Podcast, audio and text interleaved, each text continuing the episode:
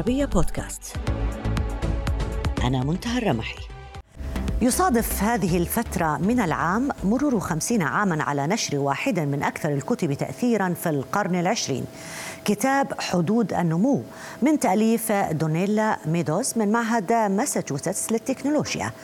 استخدم هذا الكتاب نماذج حاسوبية جديدة للتنبؤ بانهيار لا يمكن السيطرة عليه في عدد سكان العالم والاقتصاد العالمي إذا استمرت الأنماط التي ترتكز على نمو اقتصادي متسارع يعود بقوة الآن الجدال الذي أثاره ذلك الكتاب لا سيما أنه أثبت أنه في ظل أي انهيار اجتماعي فإن النمو لن يكون قادرا على تصحيح مساره ذاتيا بحيث لن تستطيع البلدان من خلال التطور والإفلات من براثن الفقر. ها نحن نرى ما يحدث في إيران من اضطرابات اجتماعية عميقة وهو نفس الأمر الملاحظ في الأرجنتين. كما نشهد انهيارا في سريلانكا وتاكلا ملفتا للطبقات الوسطى في الكثير من دول الشرق الأوسط. يزعم فريق من كبار خبراء الاقتصاد أن السياسة الاقتصادية يجب أن ترتكز بدلا من ذلك على أهداف المجتمع الأساسية التي يجب أن تكون الاستدامه وتحسين الرفاهية وتضييق فجوة التفاوت وتعظيم المرونة الاقتصادية في البلدان الأكثر ثراء اليوم.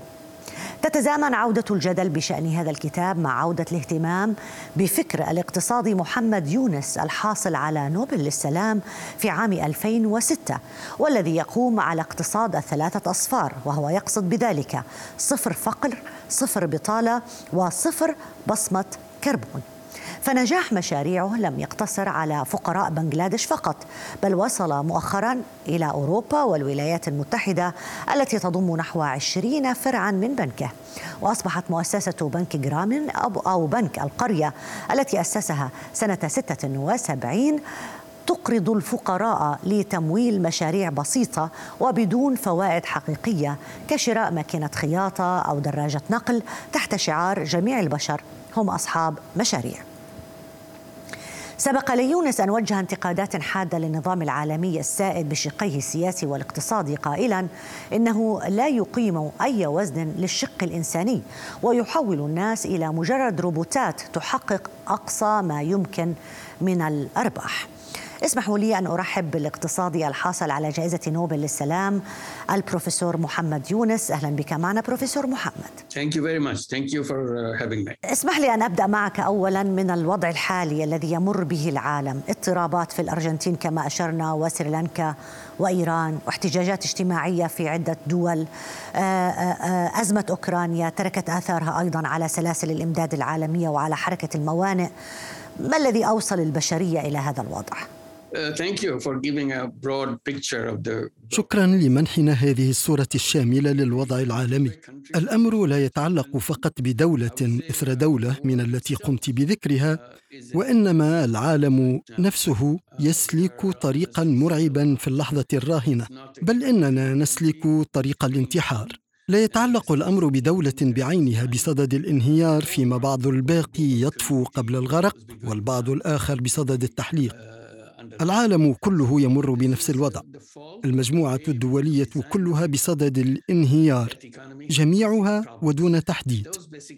لذلك في اعتقادي فإن السبب في ذلك هو الخطأ الذي ارتكبناه. في تحديد المثال الذي صممنا على أساسه اقتصادنا. فهذا الاقتصاد يحمل في بذوره مشاكل أساسية. جزء من تلك المشاكل أنه بقدر تمدده بقدر تمدد الإشكالات الهيكلية. من الأمور التي بصدد الحدوث على مستوى العالم وبمرور الوقت هو أن تلك المشاكل كانت تتفاقم دون ضجيج. حتى حدث الانهيار العظيم عندما فاقم ظهور فيروس كورونا الوضع. لقد كانت الماكينة تعمل حتى ولو كانت صوب الوجهة الخطأ لكنها على أي حال كانت تتحرك وكانت تعمل.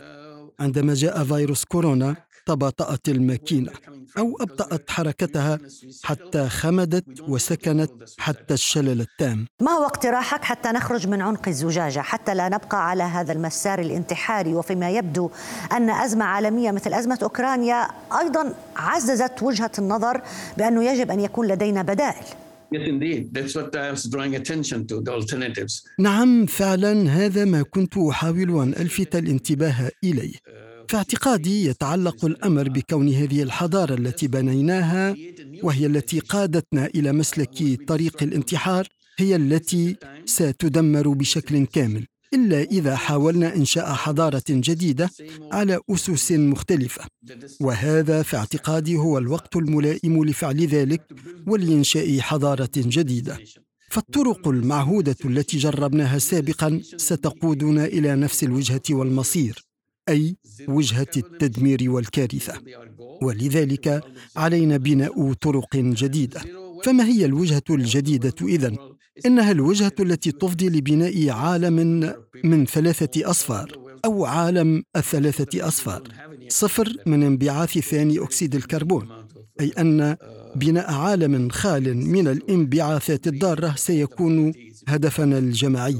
صفر من تركيز الثروة العالمية بأيدي عدد صغير من الرؤوس. بس في هناك كثر من من هم منتفعون من هذه الآلة الاقتصادية التي تم بناؤها. آه، قد ينظرون إلى مثل هذه الأفكار على أنها فلسفية طبائية لا يمكن تطبيقها على الأرض. كيف ممكن دعم هذه الأفكار بمحاولة إقناع الدول بها إقناع العالم بها سواء على المستوى الأفراد أو على مستوى الحكومات؟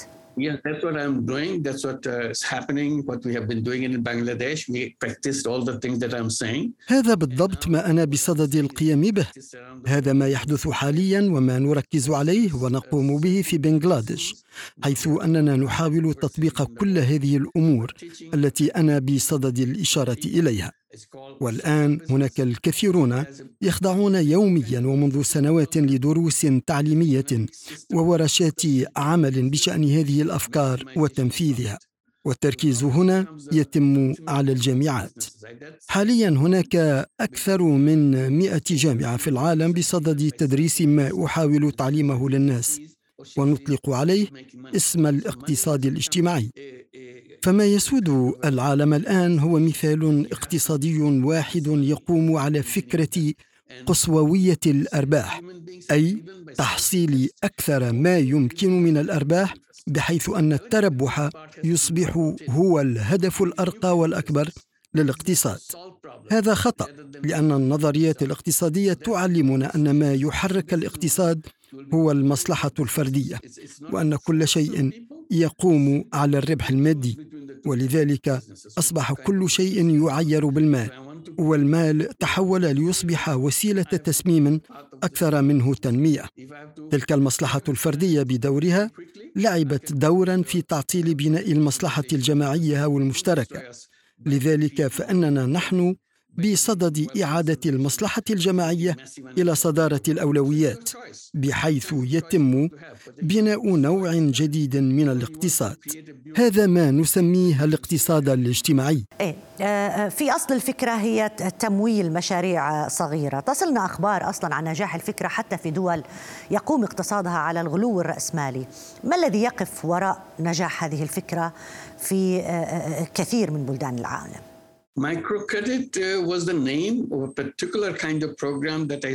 إذا كنت أرغب في العثور على برنامج محدد يؤثر على حياتك أو أن أسميه فهو تحديدا النظام المصرفي برمته لأن النظام البنكي جرى بناؤه بطريقة تساعد على منح القروض والأموال للأشخاص الذين يملكون الأموال فيما يحرم منها الناس الذين يستحقونها وهم بحاجة إليها. لذلك فإنه نظام خاطئ. النظام البنكي ينبغي أن يقوم على إقراض الأموال للناس التي لا تمتلك الأموال لا العكس. هذا ما ينبغي أن يكون الأولوية القصوى. ثم أثر ذلك يشمل الناس التي لديها أموال أكثر وهكذا تدرجا ودواليك لذلك علينا عكس أسس النظام البنكي وهذا ما فعلناه.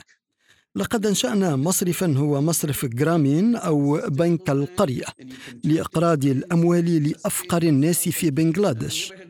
الأفقر على الإطلاق. لا يملكون ولا يتوفرون على أي شيء وبكل المعاني. ثم بدأنا بتوزيع القروض الصغيرة عليهم. ونجح الأمر. نواة نواة هذا البنك بنك جرامين هل كان الاقتصاد الاجتماعي أصلا؟ يعني فكرتك نحو التصفير الأصفار الثلاثة وهل هو قابل للاستدامة على المستوى الدول وعلى مستوى الكوكب بشكل عام؟ منهجية جرامين الآن متبعة في أكثر من 180 دولة تتوزع على مختلف أنحاء العالم بما فيها الولايات المتحدة. ففي الولايات المتحدة هناك برنامج واسع اسمه جرامين أمريكا يقرض الأموال للأشخاص الأفقر. 100% منهم نساء. وبإجمالي قروض متفاوتة تبدأ من ألف دولار يتم إرجاعها وتحصيلها بصفة دورية. وقد وزع بنك جرامين أمريكا حتى الآن ثلاثة مليار دولار مع أسلوب فعال بكيفية ممتازة. لذلك يمكنني التأكيد أن الأمر نجح في الولايات المتحدة كما أنه يعمل جيدا في أوروبا ويعمل جيدا في الصين ويعمل جيدا في أمريكا اللاتينية ويعمل جيدا في أفريقيا. فلدينا عشرة فروع منه في الشرق الأوسط وأيضا في دول أخرى في المنطقة. كما أن النظام المصرفي الدولي جرى تصميمه ليذهب إلى الذكور ونحن عكسناه ليذهب إلى الإناث. لذلك فإن غالبية عملائنا من النساء 97% من المقترضين من بنكنا هن من النساء. الأسلوب الذي تتبعه البنوك حاليا له مشاكل بسبب القوانين. القوانين التي تنشأ بمقتضاها البنوك تجعلها مصممة بهذا الأسلوب. لذلك علينا العودة إلى منبع وأصل النظام الصيرفي فلكل دولة قوانين تنظم قطاع المصارف وتملي عليها ما تفعله. لقد تم وضع تلك الأسس والأعراف والإجراءات والأحكام لتدار البنوك على أساس فئوي يمنعها من إقراض الفقراء. ولذلك ينبغي إعادة تصميم وإعادة سن قوانين التأسيس المصرفية وهنا يأتي دور الحكومات. لذلك علينا إعادة تأسيس بنوك بمفاهيم جديدة وبقوانين جديدة. يمكن الاستمرار بالقوانين الحالية عندما تتوجه للبنوك الحالية التقليدية ولكن في نفس الوقت ينبغي وضع قوانين جديدة تسمح بإنشاء بنوك تعمل بأساليب مختلفة ولعملاء مختلفين. هم الفقراء. لن يكون اهتمام هذه البنوك الجديدة مركزا على صنع الثروة والمال ولكن اهتمامها ينبغي أن ينصب على حل مشاكل الفقراء وتحويل الناس العاديين إلى مقاولين ذاتيين مع التركيز على النساء. لذلك نحن بحاجة إلى إعادة تشكيل النظام المصرفي نفسه. ليس بأخذ الأموال من الحكومات فالبنوك لا تحتاج لأموال الحكومة. الأموال تأتي من الناس. فأعمال البنوك تأتي بأخذ الأموال وجلبها من الناس ثم إقراضها للناس. فالمسألة لم تعد تتعلق بالمال نفسه وإنما بمساعدة مثل هذه البنوك التي تشبه بنك جرامين على الوجود والاستدامة. فجرامين بنك هو بنك اقتصاد اجتماعي. بروفيسور محمد غالبا ما يتم منح القروض الصغيرة من بنك جرامين بفروعه المختلفة للنساء. ما هي العلاقة ما بين آه، دعم المرأة تمكين المرأة اقتصاديا والحد من الفقر برأيك؟ نحن نحاول الوصول إلى الأشخاص الذين لا يحظون بالاهتمام اللازم ويوجدون عادة خارج نطاق النظام المصرفي وأولوياته. فقد رأيت أن البنوك لا تتجه صوب الفقراء. وهذه في الحقيقة هي سمة عالمية. وفي نفس الوقت عندما تبدأ بالنظر إلى الأشخاص الفقراء فإننا نخلص إلى أن البنوك عندما لا تتوجه إلى الفقراء فإنها في كل الأحوال والظروف لا تتوجه إلى النساء. وحتى إن وصلت إلى الفقراء فإنها تستثني أيضا النساء. إنه وضع مثير للسخرية. فالخلاصة إذن أن هذا النظام جرى تصميمه بحيث يتجاهل تقريبا أكثر من نصف حجم البشرية وعدد سكان العالم فقط لأنهم فقراء. إضافة إلى ذلك فإنه يتجاهل أيضا النصف الآخر من البشر أي النساء. لذلك كان هدفي إطلاق بنك يركز على الفئتين. بنك يقرض الفقراء ويركز خاصة على النساء الفقيرات. هكذا بدأت قصتنا. نحن نقوم بالمهمة الأصعب في عملية العثور على حلول لأصعب المشاكل أي إقراض المال للناس والنساء الفقيرات. وقد عمل ذلك بكيفية جيدة. فالنظام البنكي الذي أقمناه هو عكس النظام التقليدي. بنك يعني أرباح. آه، بالتأكيد هو ليس مؤسسة مجتمعية لمنح قروض للفقراء دون تحقيق أي نتائج. ما نوع الأرباح التي يحققها بنك جرامن؟ لأنه إذا فهمنا هذه النقطة سنرى إمكانية تطبيقه في دول أخرى في العالم. الشرق الأوسط مثلاً.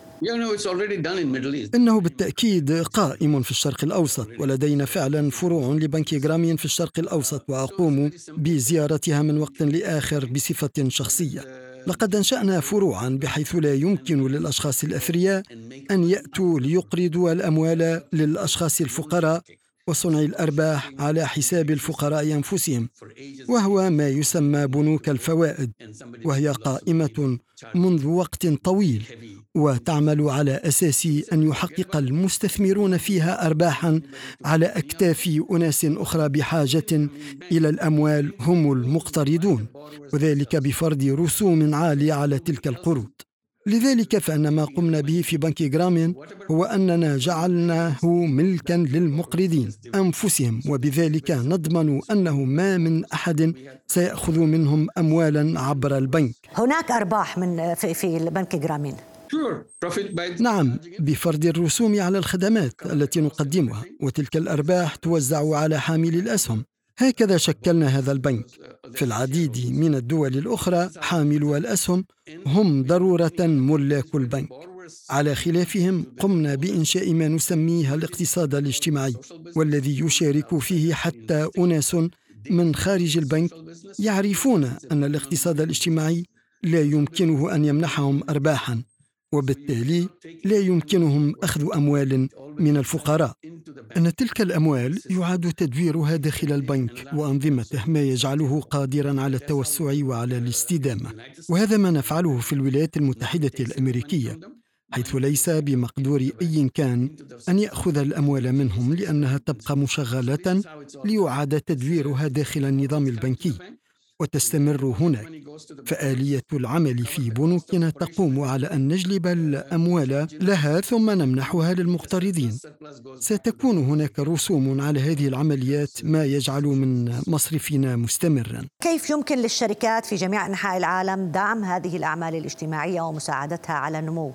هل المسألة بحاجة لإرادة فقط وإمكانية تطبيقها سهلة؟ أم أن هناك مخاطر عواقب قد تجعل الشركات أو المؤسسات الكبرى أو الدول تخشى آه، آه، آه، أن أن أن أن تغوص كثيرا في الاقتصاد الاجتماعي؟ They don't. إنهم لا يفعلون ذلك قطعا لا يفعلون. هناك فئة أخرى من الأشخاص لا يتعاملون مع البنوك التقليدية لأنهم غير مقتنعين بنظامها. يأتون للبنوك التي تمنح القروض الصغيرة لأنها تتوافق مع رؤاهم وهم كثر في الشرق الأوسط. إنهم أشخاص لا يأتون لبنكنا وغيرنا من البنوك من أجل تحصيل الأرباح على ظهور الفقراء. إنهم يرغبون في ضخ الأموال في شكل صناديق مساعدات. ويأتون أساسا من المملكة العربية السعودية ودول أخرى. لقد أنتجوا نظاما للقروض الصغيرة في الشرق الأوسط يحمي الفقراء من أن تؤخذ أموالهم أو أن يتم استغلالهم لتحصيل الأرباح حيث أصبحت لدينا مجموعة من الأشخاص المثيرين الذين يرغبون فقط في مساعدة الناس على أن يساعدوا بدورهم أنفسهم بأن يصبحوا بدورهم مقاولين. فعندما يمنحون المال لامرأة فقيرة فهم لا يمنحونها وظيفة لأنها ببساطة تصبح سيدة أعمال. تستخدم المال الذي اقترضته لتطلق مشروعا. في بنغلاديش أصغر مشاريعنا مثلا ستستثمر المرأة فيها القرض لشراء دجاجات تمنحها البيض. لتبيعه لاحقا وتحصل الأموال. ستصبح مثلا تاجرة خضر وغلال أو أنها ستصنع مشغولات يدوية أو ملبوسات لتبيعها وتحصل أرباحا منها. لذلك فإنه يتم صنع طبقة من سيدات الأعمال الصغيرات. وكل هؤلاء السبعة ملايين مقترض هم في الحقيقة رجال وسيدات أعمال يستثمرن في الأموال مهما كان حجمها.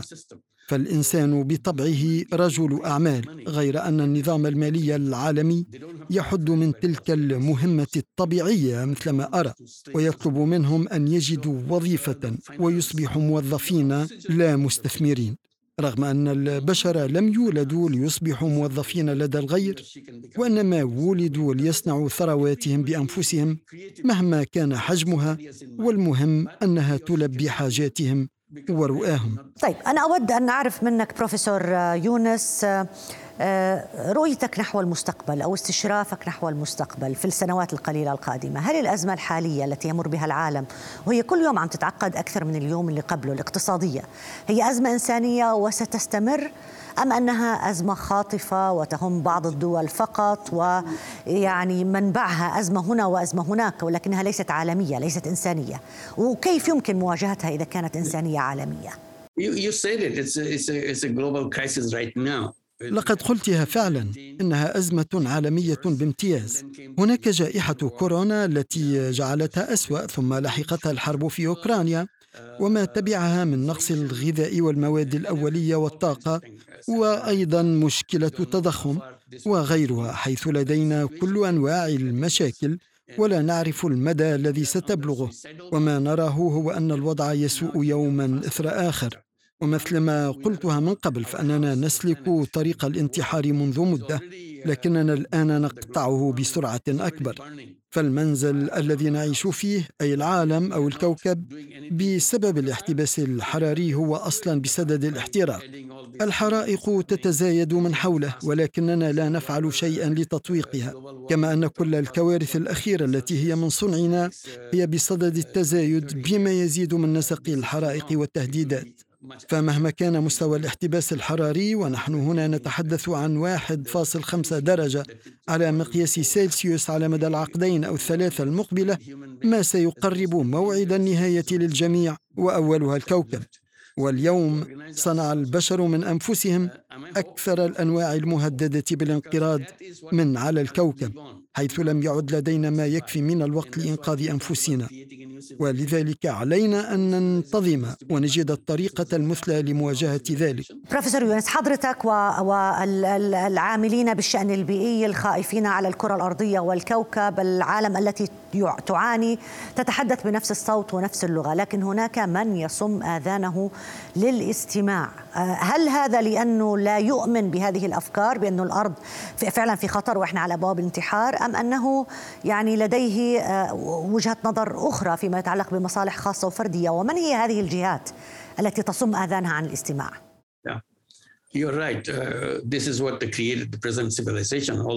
أنت على حق. وهؤلاء هم من أنشأوا هذه الحضارة. وهم من يديرونها برؤاهم.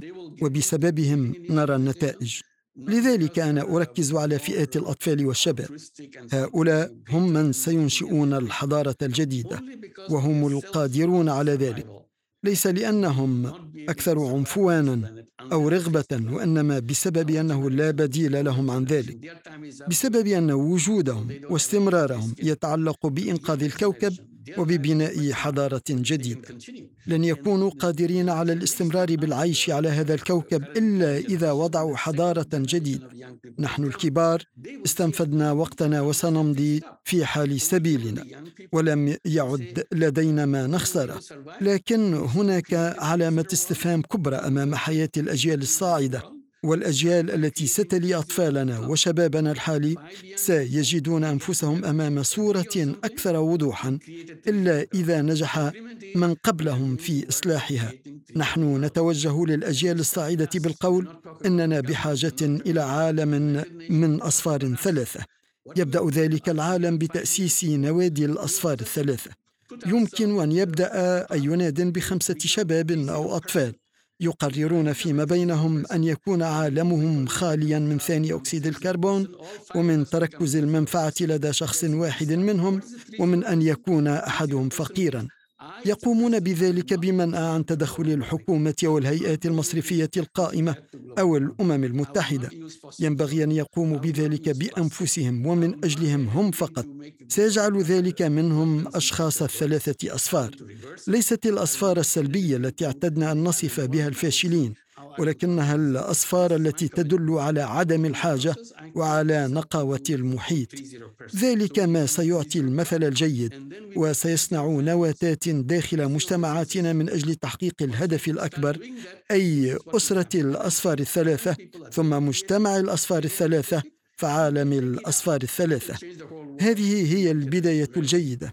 ذلك يعني أنني كفرد لن أشارك في تدمير البيئة ولن أستخدم البلاستيك ولن أساعد في أي شيء يمكنه أن يلحق الضرر بالمحيط ولن أشارك في أي سلوك سيؤدي إلى البطالة أو إلى إفقار أي شخص. هذا هو التزامي. طريق الألف ميل يبدأ بخطوة واحدة وقد يكون هذا هو المعنى الحقيقي للأمل. شكرا جزيلا لك على المشاركة معنا الاقتصادي الحاصل على جائزة نوبل للسلام بروفيسور محمد يونس. ألف شكر لك على المشاركة معنا. Thank you. Thank you very much. إلى هنا انتهت حلقة اليوم من البعد الآخر. يمكنكم دائما متابعتنا على مواقع التواصل الاجتماعي تويتر فيسبوك ويوتيوب. إلى اللقاء.